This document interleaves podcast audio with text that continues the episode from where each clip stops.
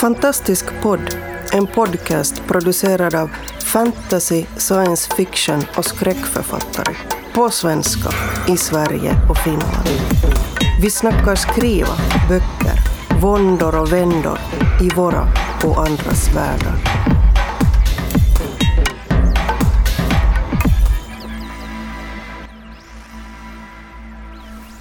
Hej och hå och välkomna till Fantastisk podd och och Finlandsgruppen här. Eh, vi tänkte då eh, slå ihjäl tiden eh, och, och de som gör det är då Mia Frank.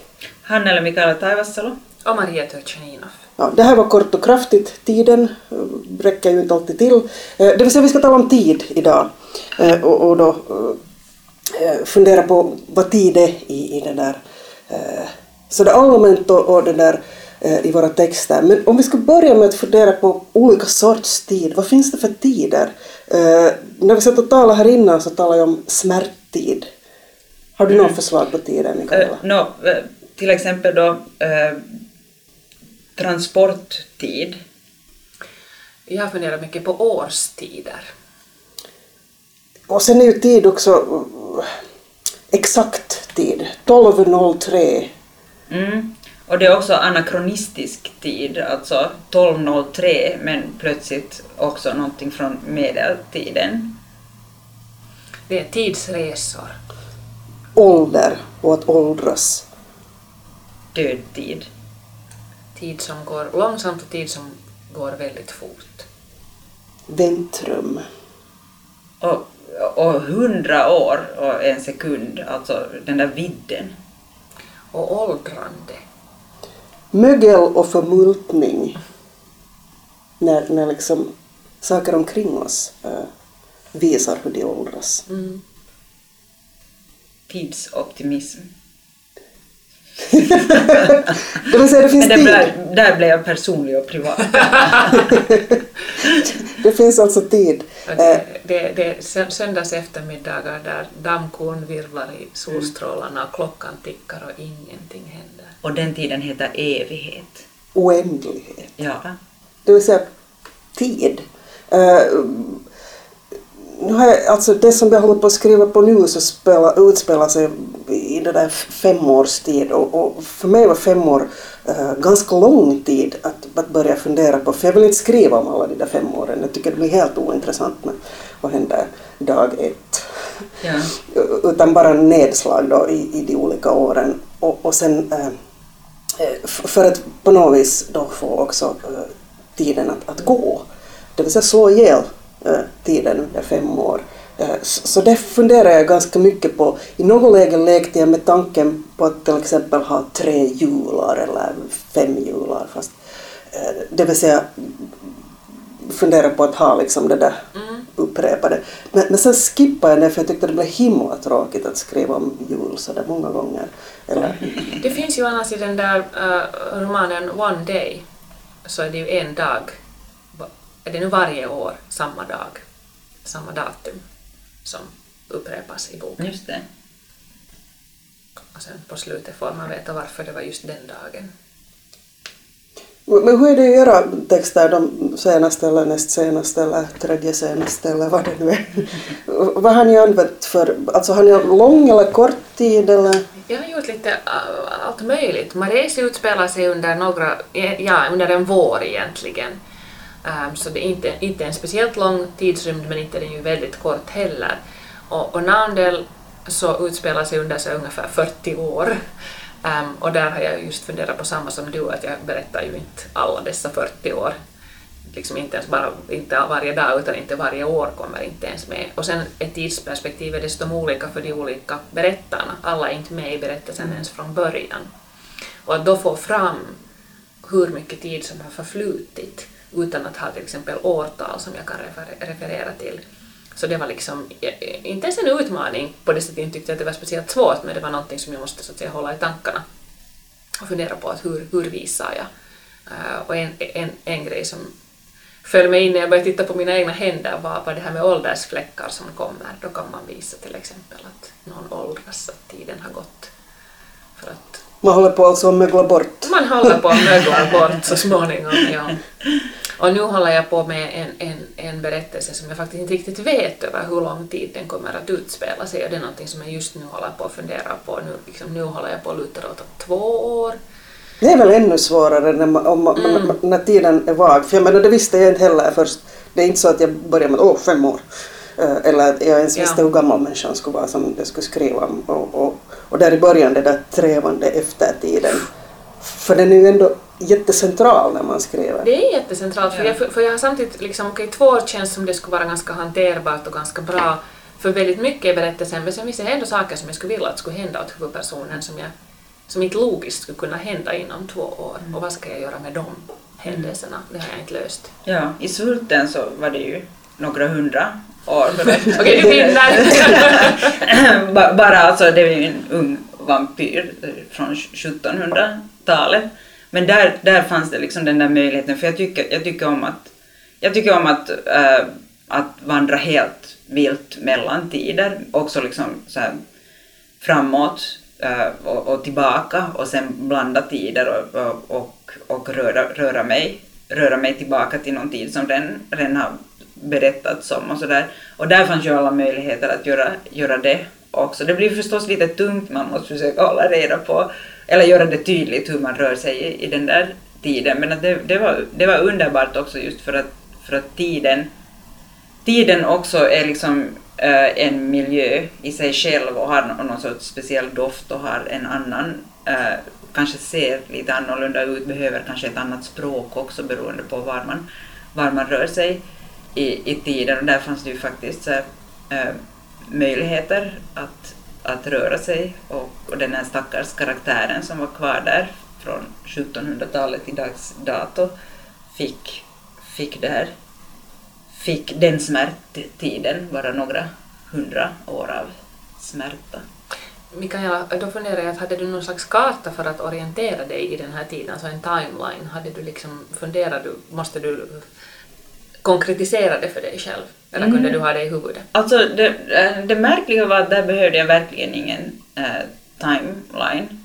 Eh, mot slutet alltså, just, just för att de, de här historiska nedslagen var, var färre, alltså det var då snarare tillbakablickar som ständigt återkom till olika tider. Där var det snarare så där att man hade den där eh, eh, möjligheten att, att gå tillbaka till olika, olika eh, tidsperioder och olika platser i världen som, som på något sätt äh, attrahera mig.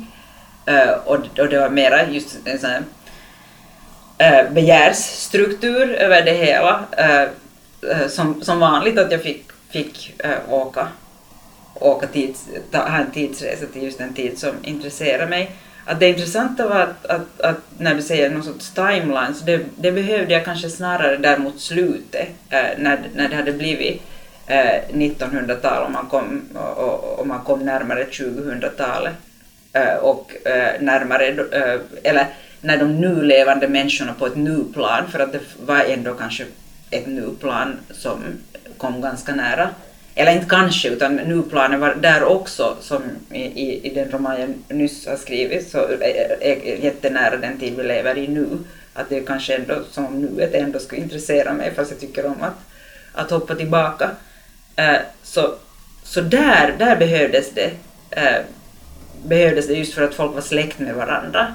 Eh, och det här med att folk är släkt med varandra och, och, och, och ska ha en ålder i förhållande till någon annan. Mm. Så för, för det behöver jag tids, tidslinjer eller så här tidstänkande och där skriver jag upp. Det gjorde jag också i en transit som är den roman jag skriver nu. Inte egentligen när, inte alls för mig när hände vad, utan, utan mera liksom så här att om de här är släkt med varandra på det här sättet så måste, också, eh, så måste det också förstås tidsmässigt stämma överens och kan den här människan ha varit där vid den tidpunkten i sitt liv eh, och hur gammal var den då? Eh, just för att i en transit så fanns det ju så här efterkrigstida miljöer och, och en generation som... Alltså som minnestid är ju, Minnestid, ja, ja. minnestid är ju nog häftigt. Eh, just det här med, med, med, med tillbakablickar också för Mm. att ge någon slags kött åt det hela. Ja. Eh, Och så kan, som kan vara lika mycket nu, alltså den där minnestiden är ju lika mycket nu då när den kommer. Men absolut, alltså, jag- jag väljer rätt ofta att skildra minnestiden lika mycket i presens som, som resten av texten. Därför att, att jag tänker mig att den som upplever minnestiden, om den överhuvudtaget är intressant, så upplever den som om den händer just nu på Ja. nytt. Även om det liksom, det vill säga orsaken till att jag berättar det har ju att göra med någonting som händer då i nuet och, och, och att det påverkar det hela och då upprepas den där minnesgrejen kanske på något vis hela tiden gång på gång på olika sätt. Då. I Naundel så hade jag flera olika berättare och några berättar i, liksom i nuet, men det är ett förflutet, och andra, andra tittar tillbaka på den tiden. Ehm, och, men, de, men också där gör de det så att några, liksom, vissa av berättarna är mera där i minnesbilden i nuet och andra har en, en, en större distans. Så det var också någonting som, det, det, var liksom ganska intrikat att hålla i dem liksom alla trådarna. Och det säger ju någonting också om karaktärerna. Mm, att, absolut. att hurdana, hurdana är de? Är de sådana som, som så här analytiskt ska se tillbaka på sina, sina liv eller är det just i nuet? Och, och det handlar ju om hur de förhåller sig till de där skeendena, till Ja. de där händelserna. Men just det, alltså jag tänker också, det här tror jag att du har också i den som jag också har i martyrologin, att det liksom ibland handlar om, om samma grej som, som de tittar på då olika personer och Ja. upplever det förstås på olika sätt, vilket ju också är rätt fascinerande för då kan ju tiden betyda hemskt olika saker. Ja. Det vill säga beroende på hur man upplever just det där som händer, att, att är det liksom det segaste någonsin så tar det ju jättelänge. Men, men om det är något jättehäftigt så kanske det går fort för den som, som betraktar det där skeendet. Och då kan man säga så mycket om både skeendet och karaktärerna genom att just visa hur de upplever den där tiden. Ja, jag tänker lite sådär just på, på smärttid som vi nu har nämnt lite här.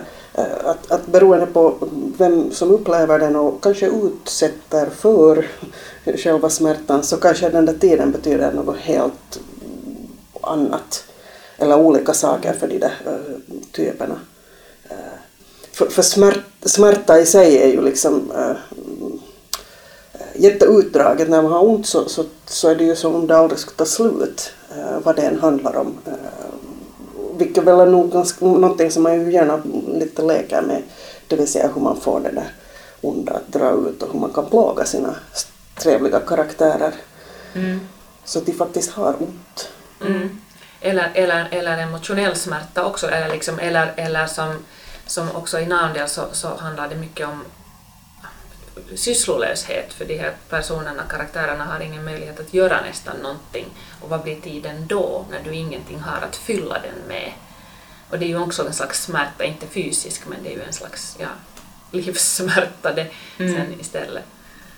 Ja, absolut. Jag minns jag såg någon gång för jättelänge sedan något program som handlade om, om den där kvinnor under Jane Austens tid och jag tänkte att herregud vad skönt att man levde då. Så det var riktigt kul att läsa om och titta på TV, filmer Ja. och sådär. Ja. Men, men att behöva finnas i den där tiden och, och egentligen inte ha något att göra skulle vara helt sjukt. Men just det där att skriva väntan och att skriva sysslolöshet och att skriva liksom så uppgivenhet och tomhet, så det är ju i sig är det ju, eh, är det ju eh, oerhört fascinerande och jättesvårt också för att man kan man kan, inte, eh, man kan ju inte skriva alla dessa timmar av sysslolöshet. Och, och de flesta människor tycker inte om att köa. Ja, och, ja precis. Och, och de flest, flesta människorna vill, vill inte befinna sig i hundra sidor eh, med, med en sovande vampyr som, som, inte, som inte gör någonting utan bara deprimerat. Hur här och, nu? precis,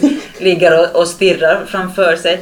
Så, så, så, så där, det- och medan, och den där kontrasten också till att sen kan en blick mellan två älskande kan liksom kan vara någonting som man skriver i två sidor, som är en sekund, men som, eh, som i lästid blir någonting helt annat, alltså en så här förlängd, ett, det förlängda ögonblicket, där det verkligen liksom, eh, för att få den där intensiteten så måste själva liksom så här ögonblicket förlängas och, och Men- liksom så här, i, delas upp i mikrosekunder. Nu minns jag inte vems bok det är, men jag kommer ihåg en sån där skildring just med någon som går över golvet och upplever hela sitt liv.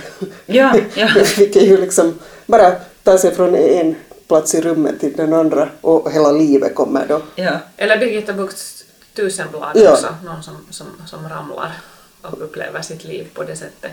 Eh, Jag läser nu precis just en, en, en bok som, som inte är en roman men som, som jag råkar ha hemma och har, den har legat oläst och nu börjar jag läsa den och jag tycker den är fruktansvärt fascinerande och dessutom fungerar som research för mig, helt ofrivilligt på något sätt.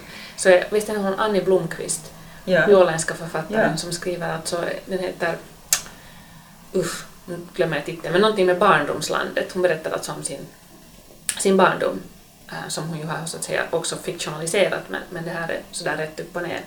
Och det där när du sa det här med, med att man, den här blicken som, som tar två sidor, så kan man ju så att säga också vända på det. För hon bland annat skriver om, om, om eh, när hon far, far på en begravningsresa för att begrava sin lilla syster som har dött i lungsot. Um, och, och liksom beskriver närmast den här resan och hur den gick till, och inte, inte väldigt långt. Och sen en, lit, ett litet, en, en mening där hon skriver att det var ju en liten tröst att, att, att, att, liksom att hon blev begravd bredvid eh, vår andra syster som hade dött tre månader tidigare. Och det är liksom enda nämnandet av det. Också vilken emfas det kan bli genom att inte liksom Ja. dra ut något Ja. som stort utan att istället nämna det mycket, mycket kort. Precis. Ja. Ja, alltså man kan göra vad som helst med tid, långt, kort. Och det här är verkligen ett liv som inte, där det inte finns någonting sånt som sysslolöshet Nej. och dödtid och ställtid, liksom, utom kanske lite på någon söndag. Men att liksom hur barnen från det att de var tre år gamla passade de yngre syskonen och därmed basta. Liksom ett liv fyllt med arbete. Arbetstid. Ja. Jag tycker det är, det är jätte, jätte, jättespännande just nu. Jag är Ja. lite uppfylld av den här liksom, hör arbetstiden och det, detta eviga arbete, hur man såg på det.